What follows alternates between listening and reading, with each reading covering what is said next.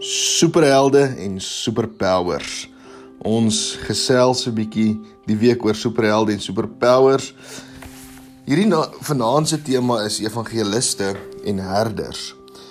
Nou so rukkie terug het ons Mandela Dag gevier en Mandela word baie keer deur mense beskryf, president Mandela word baie keer deur mense beskryf as 'n herder omdat hy iets reg gekry het wat mense nie kon regkry wat ander mense nie kon regkry nie. Hy het reg gekry dat verskillende mense saamwerk en en saam dinge doen. Gisteraand het ons gekyk na apostels en profete en ons sien dat sekere mense sekere spesiale powers gekry het. Nou, as ons vanaand kyk na evangeliste en herders. Nou evangeliste klink mos soos die woord evangelis klink soos evangelie. En dit is die goeie nuus. Evangeliste is mense wat goeie stories kan vertel en wat die goeie nuus aan ander bring. So hulle verkondig die woord. Aan die ander kant is dit weer 'n herder. Nou as ons aan herders dink, dink ons aan iemand wat skape oppas en skape versorg. So 'n herder, 'n herder is iemand wat wat ander persone versorg, ander persone help, ander persone dalk op op maniere opbou deur pastoraat en en en deur daar te wees vir mense wanneer hulle dit wanneer hulle ander mense nodig het. Nou as ons kyk hierso verder in in Efesiërs 4, dan gaan ons lees hier vanaand vanaf vers 11 tot 13. Vers 11 sê en dit is die gawes wat hy gegee het: apostels, profete, evangeliste, herders en leraars.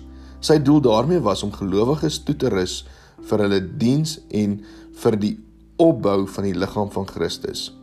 So sal ons uiteindelik almal tot die werklike eenheid in ons geloof en in ons kennis van die seun van God kom. Dan sal ons sy kerk soos 'n volgroeide mens wees, so volmaak en so volwasse soos Christus. Daar's 4 vrae. Nou, hoe dink julle sal die kerk wees as ons so volmaak en so volwasse soos Christus is? Die tweede vraag, ken jy iemand wat soos 'n evangelis is?